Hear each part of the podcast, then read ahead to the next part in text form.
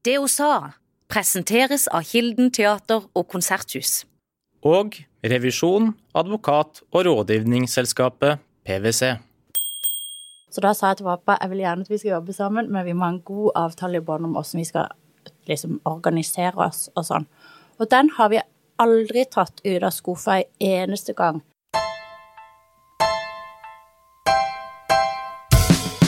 Helene Mørne, velkommen til det hun sa. Tusen takk. Du er adndir i noe som heter Karbonor. Og jeg leste på LinkedIn at noe av det dere driver med, er karbonfangst. Det er jo et ord som vi stadig hører og leser om, men som jeg tror de færreste av oss egentlig har et sånn klart bilde av hva egentlig er. Så jeg tenkte at jeg skulle gi deg en liten utfordring, og det er hvis du skal forklare så enkelt du bare kan til noen som ikke har peiling på karbonfangst, hva, hva er det egentlig? Ja, når vi sier karbonfangst, så snakker vi jo egentlig om å fange CO2, som er en klimagass. Og i industriproduksjon så skapes det veldig mye CO2 som er med å varme opp jorda. For det gjør at drivhuseffekten blir mer effektiv enn det vi vil at den skal være. For drivhuseffekt er jo naturlig på jorda og gjør at vi får et levelig klima her. Men blir det drivhuset for tett, så blir det for varmt. Og eh, vi er jo avhengig av å produsere ting. Vi må ha en industri som gjør at du og meg har eh, telefoner og PC-er og de stolene vi sitter på her inne. Men den produksjonen eh, avgir da klimagass. Og det vi gjør, det er at eh, vi skal produsere med en teknologi som gjør at vi kan fange CO2-en. Og så lagrer vi den i et lager som ligger i Nordsjøen. Langt under vann og under eh, jordskorpa. Og der kan den ligge til evig tid. Og dette er noe dere i Karbonor har spesialisert dere på å få til. Så forretningsideen, den er rett og slett å fange og lagre karbon. Eller? Mm, mm, jeg, jeg, tror jeg må si nei til det, altså. Ja, men det var, så var det. At, at, eh, Nei, det vi faktisk skal gjøre i Karbonor, det er at vi skal bruke klimafangst, altså klimagassfangstteknologi, eh, altså karbonfangst, på produksjonen av varer som man trenger til f.eks. silisiumproduksjon. Så du tenker deg, hvis du har solcellepaneler, så er det veldig mye silisium i de.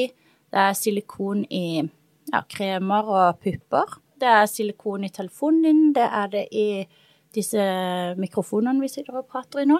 Det er det i vindmøller og veldig mye annet. Men for å lage denne silikonen, så trenger man noe som heter karbon, og det er det veldig mye av i kull. Og man bruker kull for å produsere silisium, og kullet er veldig skittent. Så det vi skal gjøre, er at vi skal fange den CO2-en som genereres ved å gjøre kullet om til rent karbon. Så det betyr at den silikonen som du har i ansiktskremen din eller sjampoen din eller telefonen din, er laga på en mye renere måte enn det den er i dag. Sånn at eh, det vi gjør som er nytt, er egentlig det at vi prøver å hjelpe norsk og internasjonal eh, industri med å få renere råvarer ved å bruke karbonfangst og -lagring. Og, og, dette bygger der en fabrikk til? Ja, det er jo veldig gøy, for vi skal faktisk flytte en fabrikk fra Polen til Norge. Og det høres jo kanskje utrolig ut, for vi har jo høye lønninger og alt mulig her. og Hvorfor flytte en fabrikk? Jo, for det at eh, tilbake igjen i 2016 så tenkte vi at vi må kunne rense opp i dette eh, i dette mm, råvareproblemet som norsk og internasjonal industri har. Så tenkte vi da må vi jo fange CO2 på produksjonen av dette karbonet. Og så tenkte vi men vi må jo også tenke på en måte sirkulært, det har sikkert mange hørt om. At man liksom skal tenke på alle delene av en produksjon for å sørge for at det er så lite eh, CO2-fotavtrykk som mulig. Altså at man slipper ut så lite klimagasser som mulig. Og da fant vi ut at vi kunne ikke ha eh, vi kunne ikke ha fabrikken i Polen og så fange CO2 på den fabrikken, og så måtte putte CO2-en på en tank, og så putte den på en lastebil, og så kjører den ned til havna og setter den på et skip, og så kjører den helt opp til rett utenfor Bergen i Øygarden kommune for at man da skulle sende denne CO2 ned i jorda. Så tenkte vi nei, vi må bare flytte hele fabrikken opp rett ved siden av der hvor de tar imot CO2 og skal sende den ned i lageret. Så derfor så har vi da valgt å flytte fabrikken fra Polen opp til et sted som heter Kolsnes eh, utenfor Bergen. Og når skal dette skje? Ja, vi skal ha eh, full produksjon fra 1.1.2025. Helene, dette er jo veldig spennende, og så er det jo litt komplisert å forstå. Og det er jo også eh, et tema som er litt omstridt, alt dette her med industri, og spesielt den type eh, litt sånn industri som du snakker Ja. om. Men du er jo ei kul dame. som høres ut som at du brenner skikkelig for det du holder på med. Um, og så jobber du jo på en litt, eller en litt spesiell bedrift, kan vi si det sånn, eller et spesielt uh, selskap, fordi du jobber faktisk sammen med faren din. Ja. Uh, og da blir jeg nysgjerrig på hvordan ser et familieselskap ut hjemme hos dere når um, dattera er admdir, og pappa er hva, hva slags stilling er det han har? Han, eh, han, er jo, eh, han er jo leder for eh, teknisk han, på en måte, han har alle de gode ideene, og så er han også veldig god på tall, så han jobber også med investorrelasjoner. Men hvordan ser det ut da når dere setter dere ned og egentlig ikke er på jobb, men bare skal kjase litt? Ja, nei, vet du hva, vi, dette går helt om hverandre med oss. Han bor jo i Kristiansand, så, så, og så bor jo jeg i Oslo, så vi jobber jo sammen hver eneste dag, men ikke fysisk. Men allikevel så sa vi til hverandre Vi begynte å jobbe sammen i 2012, faktisk. Og da eh, hadde jeg jobba i Innovasjon Norge med eh, entreprenørskap og internasjonal forretningsutvikling en periode. Og så fant vi ut at vi skulle begynne å jobbe sammen da, den gangen med kjøp og salg av bedrifter internasjonalt. Fordi at jeg hadde lyst til å tømme hodet til pappa, for jeg visste at han kunne utrolig mye, og jeg hadde lyst til å starte et eget selskap siden jeg hadde jobba med entreprenørskap. Men da eh, når vi starta, så visste jeg at noe av det lureste gründere gjør, det er å ha en veldig god avtale i bånn. Så da sa jeg til pappa jeg vil gjerne at vi skal jobbe sammen, men vi må ha en god avtale i bånn om hvordan vi skal liksom organisere oss og sånn. Og den har vi aldri tatt ut av skuffa en eneste gang. Og vi sier til hverandre at vi har verdens hyggeligste arbeidshverdag. Og det er veldig mange jeg møter som sier at jeg er utrolig heldig, for det er så sjeldent at en kan jobbe så godt og så lenge med noen som er så nær. Så, men vi er veldig snille begge to, så jeg tror det hjelper veldig godt. Men den der avtalen som dere Ja. signerte og, og la i skuffen, Ja. selv om dere ikke har tatt den opp Ja. mange ganger, så var kanskje den veldig viktig allikevel for å rydde unna en del potensielle Ja. misforståelser og katastrofer Jeg tror sånn det. Jeg tror det. Den var veldig Den var utrolig enkel. Den handla egentlig mest om hvordan vi skulle dele utgifter og inntekter. Og det anbefaler jeg alle som skal, uansett om det er familie eller ikke, så er det veldig lurt. Eh, men utover det så er det jo det å faktisk være litt raus. Sørg for at du har noen du kan jobbe med som er det. Min far er kjempe, kjempegrei og veldig smart, så det har vært veldig gøy. Hvordan fungerer det samarbeidet mellom dere nå i dag? Ehm, sånn en vanlig arbeidsdag, tenker du? Ja, ja altså Det første som skjer, er jo at vi ringer til hverandre om morgenen. Og så har vi en lang prat om hva vi på en måte gjorde i forrige uke eller i går. Og så liksom litt hva vi skal gjøre i dag. Og vi er utrolig samkjørte. Sånn at eh, Og vi er veldig nøye med at vi sender aldri en eneste e-post eh, som gjelder jobb, uten at den andre er på CC. Så vi alltid har eh, koll på hva som skjer.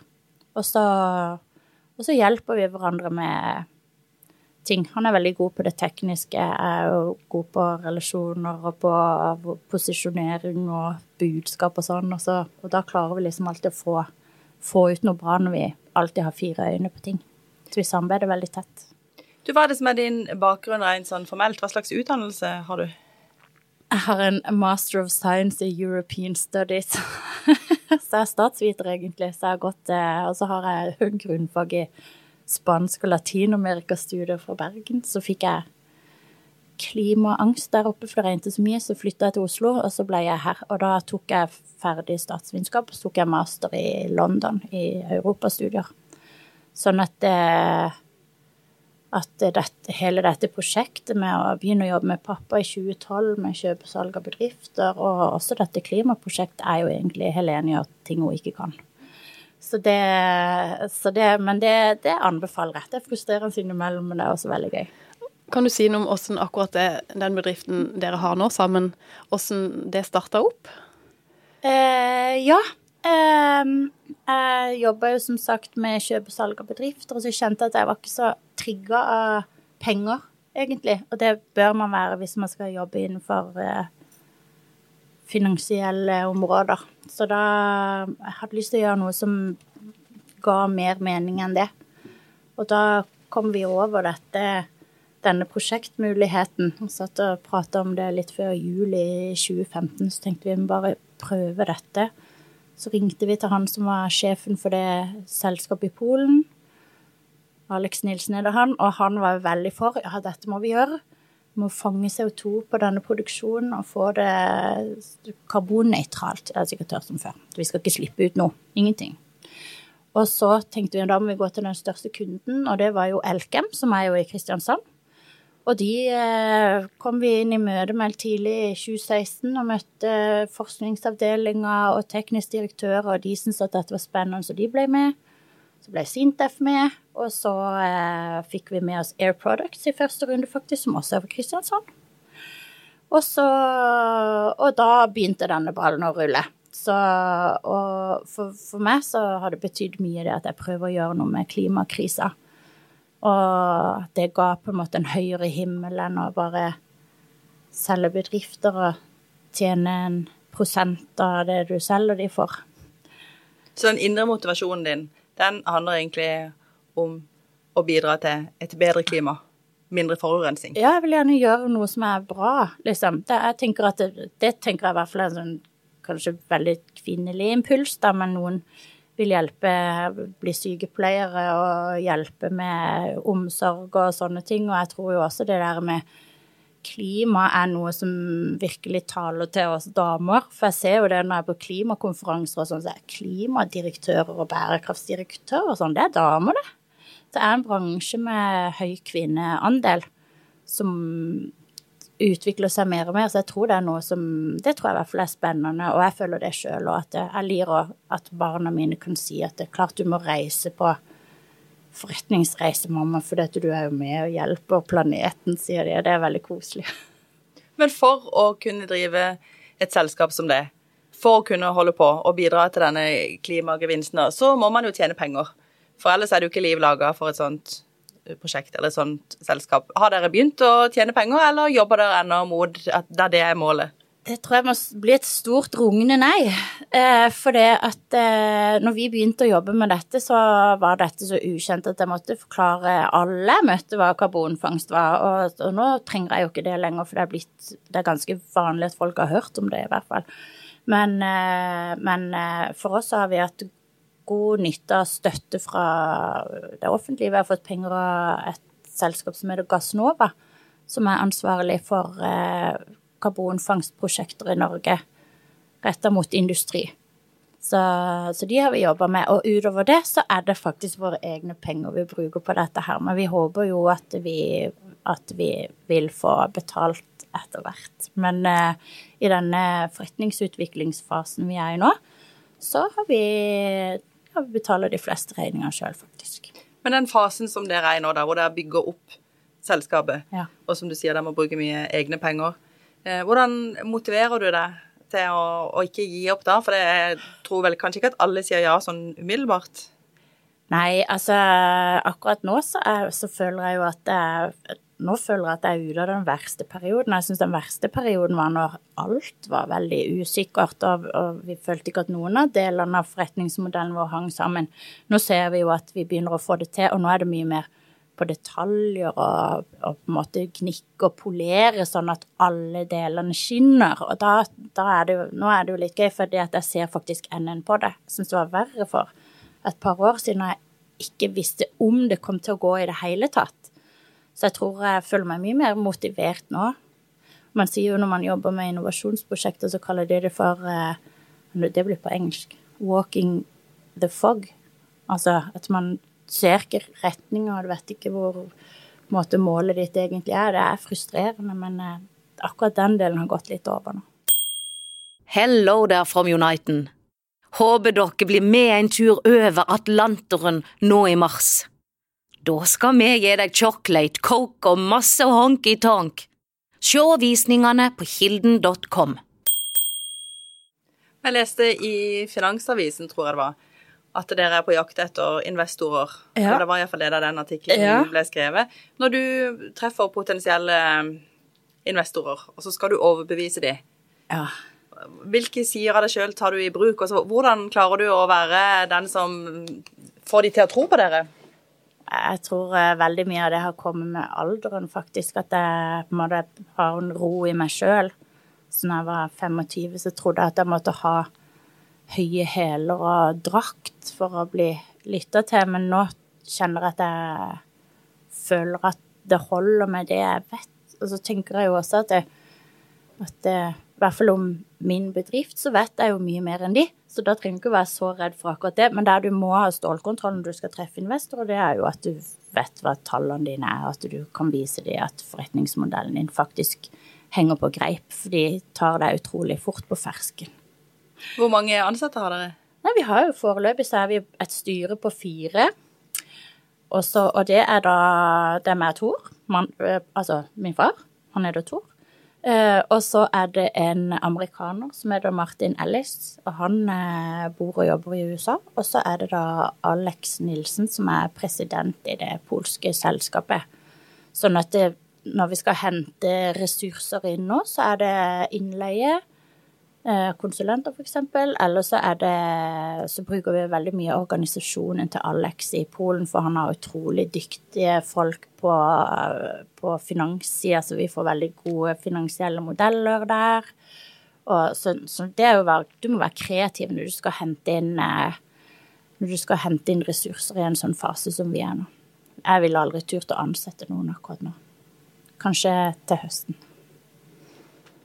Du, da jeg ringte deg, Ja. så sa jeg at vi ringte fra det hun sa, og at vi hadde fått tips om å snakke med deg. Ja. Og det gjorde vi. Vi sa jo ifra at vi skulle til Oslo, og hadde lyst til å um, møte noen driftige Ja.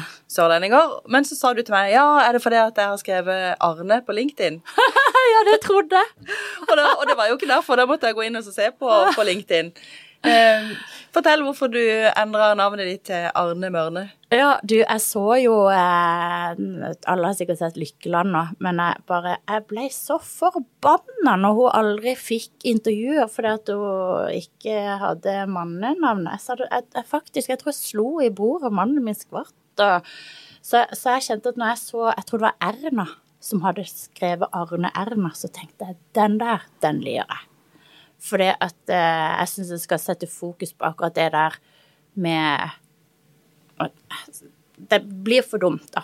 At damer eh, skal tilsidesettes fordi at de er damer. Det, så derfor så valgte jeg å gjøre det, for jeg støtter den andre kampanjen 100 Jeg syns det er veldig bra. Du sa i stad at eh, damene de kommer mer og mer nå, også i, i din bransje. Men når jeg leser eh, økonomisidene, Ja. så ser jeg iallfall at de fleste investorer fremdeles Ja. er menn. Ja. Helt enig. Og jeg, jeg har jo sittet med dattera mi, hun er tolv år, og så har vi For jeg leser Finansavisen blant annet hver dag, og DN og Ja. Men i Finansavisen så er det jo da hvis det går litt sport i det å se om det er noen bilder av damer i den avisen, eller i tilfelle hvor mange, og det er aldri, det er aldri mer enn 10 Så det, og det er klart det at dette er jo et det, Altså ledelsen i bedrifter og investorbransjen er den er veldig full av høye herrer. Så, men jeg føler på en måte at jeg har jobba i det systemet i så mange år at jeg blir ikke overraska over det. Jeg er veldig glad for det hvis jeg møter på noen damer. Det er jeg. Men hva kan vi gjøre da for at det skal endre seg?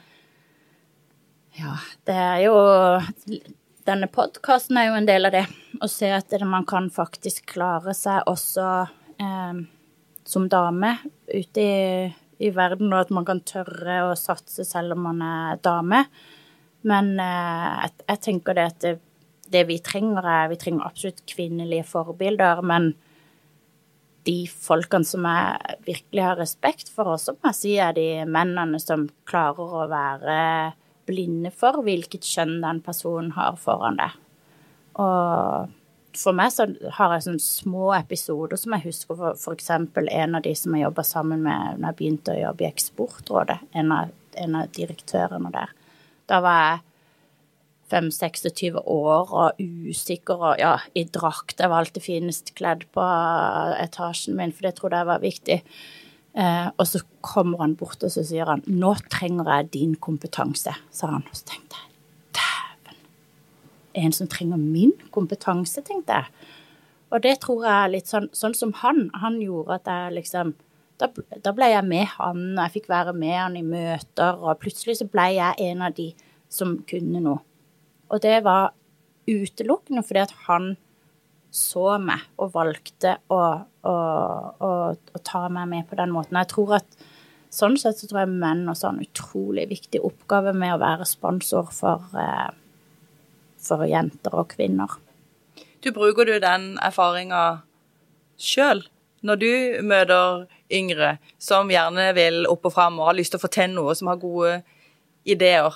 Ja. Tenker du litt at du kan være den for de som han var for deg den gangen? Ja, det gjør jeg det, det, gjør jeg virkelig. Og jeg har jo jeg har jo vært leder i noen år, og så er veldig opptatt av det faktisk at, at eh, Å både rekruttere kjønnsnøytralt. Men altså det må jeg si at jeg, jeg Det ble at jeg rekrutterte et over eh, en overvekt av jenter, men det var fordi at de var bare flinkest. Så da var det de jeg, det det de jeg ansatte. Men, men sånn sånn, litt sånn humoristisk sett, hvis en ser tilbake på det, så, så, så, var det jo noen ganger at jeg sa til de som var nyansatte, at det, pass på når du går i ganga, at du alltid har med deg noen papirer og ser ut som du skal i et møte. Hvis ikke så blir du huka tak i og bedt om å koke kaffe eller eh, ta ut en papirstopp i kopimaskinen eller et eller annet sånt noe. Og du er ansatt her fordi at du kan noe og du er en fagperson, ikke fordi at du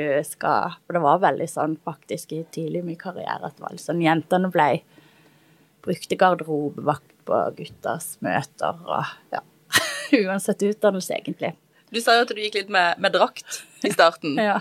Du slutta med det etter hvert, eller? Ja, ja. I dag har jeg på meg Dr. Martens og bukser, så ja, det Jeg trodde at jeg fikk pondus av det. Men eh, det er ikke det som er pondus. Men hvor deilig er det å være kommet der i livet? det er veldig deilig. Jeg har funnet ut at jeg tenker faktisk bedre hvis jeg har gode sko. Så, så jeg slutta å bruke hæler i andre anledninger når jeg virkelig skal pynte meg. du, jeg leste litt om noen, noen omtaler om eh, det du driver med. Da er vi ja. litt tilbake til det her karbonfangst ja. igjen. Og det er jo ikke sånn at alle er enige i at det er bra for klimaet. Det er vel noen som mener at vi strengt tatt ikke burde ha den form for industri lenger.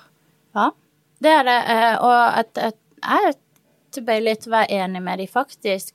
For jeg har alltid tenkt at vi må bare bruke karbonfangst der det ikke er mulig å få til andre løsninger som er mer miljøvennlige. Eller men eh, sånn som i, i, i, vårt tilfelle, da, for å bruke det, så trenger jo disse bedriftene karbon. Og fordi det er et kjemisk stoff de trenger for å klare å lage silisium. Man må ha karbon eh, sammen med noe som heter kvarts, og da ut av den reaksjonen der så får man eh, silisium som er grunnlaget for silikon. Da. Men eh, man må ha karbon, og da har man ikke kjemisk sett noen mulighet for å bare bytte det ut med noe annet. Hadde man kunnet det, så hadde man jo selvfølgelig gjort det. Så jeg tenker sånn, det er veldig forskjell på å gjøre karbonfangst på helt nødvendig produksjon enn å gjøre det på f.eks. et kullkraftverk istedenfor å gjøre det om til noe annet. Men denne karbonen som dere fanger, da? Ja. CO2. CO2. Det er CO2, ja. Som dere mhm. fanger. Ja. Eh, den lager dere ned i oppgravd det, eller hva skal jeg kalle det for noe, i oljereservoarer. Ja, det er helt riktig. Ja. Og hva om det lekker Ja. derfra? Du er ikke redd for det? Nei, altså det, det Da må jeg jo si at nå er ikke jeg geolog, men jeg har vært ute noen ganger hos eh, Equinor annet og sett på hvordan dette her er. Og når du får eh, CO2-en så langt under bakken og under så høyt trykk, så blir det helt sånn Det er akkurat som alle bevegelser går utrolig sakte, liksom. Det er bare sånn Det er helt Det er ikke sånn eh, samme som her oppe på bakkejorda, at eh, gassene bare flyr rundt. Det er liksom så rolig der nede, sånn som ikke vi har det på jordoverflaten. Så da skjønner jeg på en måte at de kan faktisk regne seg fram til eh, om, hvis noensinne dette kommer til å At det kommer til å skje noe der nede med det. For det er nesten sånn eh, Og så er det jo veldig nøye hvordan denne gassen skal være for å kunne lagres. Så den må være så utrolig ren at ikke det er noe oksygen eller bakterier eller noen ting i den, sånn at ingenting reagerer med den. Han ligger bare der. Så jeg husker ikke akkurat hvor mange år er, men de hadde sånn bilder så, så bilder av selve lageret der nede. Og så var det sånn, det tok liksom 100 år. Hvis du fikk en liten bølge, så tok det 100 år for bølgen gikk fra den ene veggen av reservoaret bort til den andre. Det er, sånn, det er helt vanskelig å forstå for oss som lever oppe på landjorda. Du nevnte tidligere at du, du har et sterkt miljøengasjement. Ja. Har det alltid vært der, eller hvordan starta det?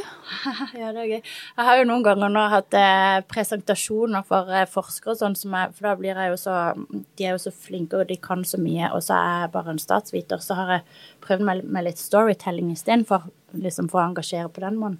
Og da har jeg, hiver jeg opp et bilde av meg når jeg var tolv år med håret rett til værs og stort glis, og forteller om at vi satt hjemme rundt eh, spisebordet, og min far kom hjem fra jobb, og så sa han nå vet jeg hvordan vi kan løse drivhuseffekten, sa han.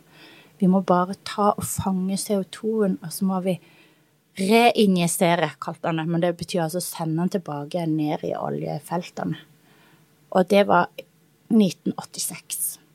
Sånn at dette har vært noe som på en måte har ligget der lenge, og det er veldig morsomt at vi nå egentlig har plutselig begynt å jobbe med å realisere det. Men ja, jeg fikk eh, jeg, jeg har alltid vært opptatt av det, men mer og mer, vil jeg si. Så jeg fikk jo jeg fikk elbil i 2014. Og det kjører jeg fortsatt. Men hjemme så er det fokus på å ikke kaste mat og resirkulere, og vi gjør så godt vi kan, men, men eh, vi kan gjøre veldig mye mer. Isolere huset burde vi gjort, for eksempel. Leker som en sil. Du, vi er litt opptatt av å være litt konstruktive, for man kan jo av og til miste litt motet Ja.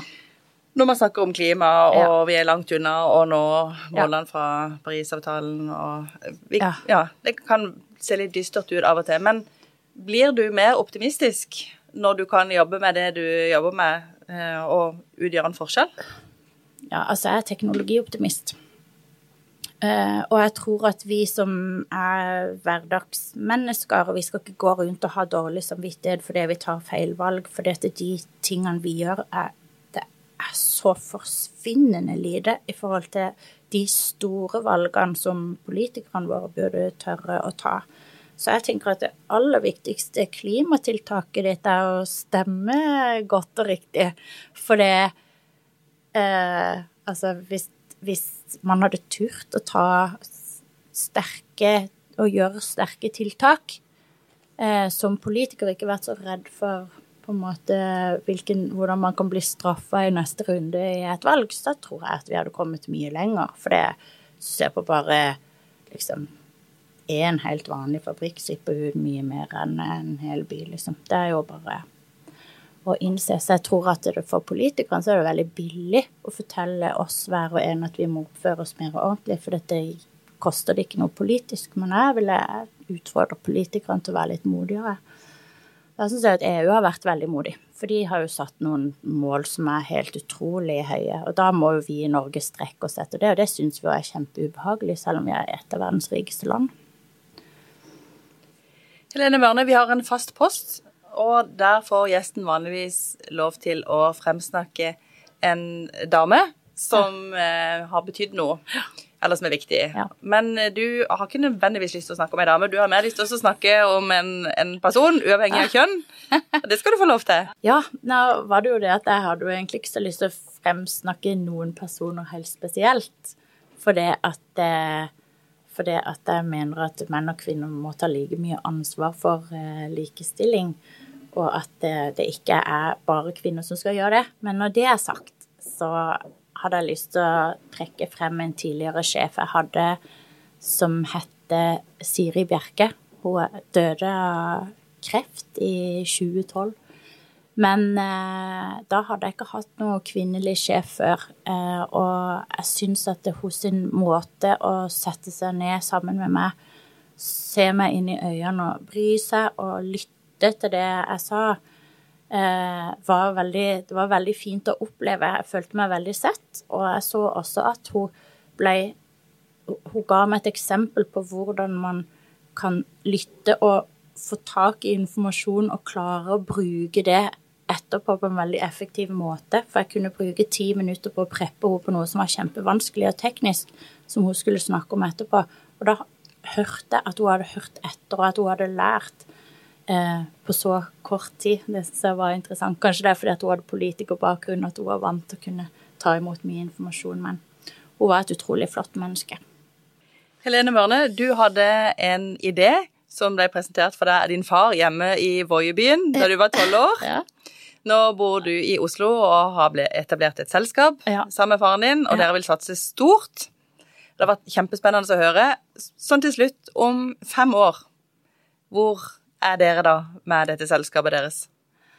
Nei, da, eh, om fem år, da har vi jo allerede produsert i to år, og da driver vi jo til og med med bioproduksjon, så da driver vi faktisk med å fjerne CO2 fra, fra atmosfæren, ikke bare tar bort CO2 som har vært der fra før. Nå tar vi noe som heter, da driver vi med carbon removal, så det er veldig kult. Nå driver vi bare med carbon capture.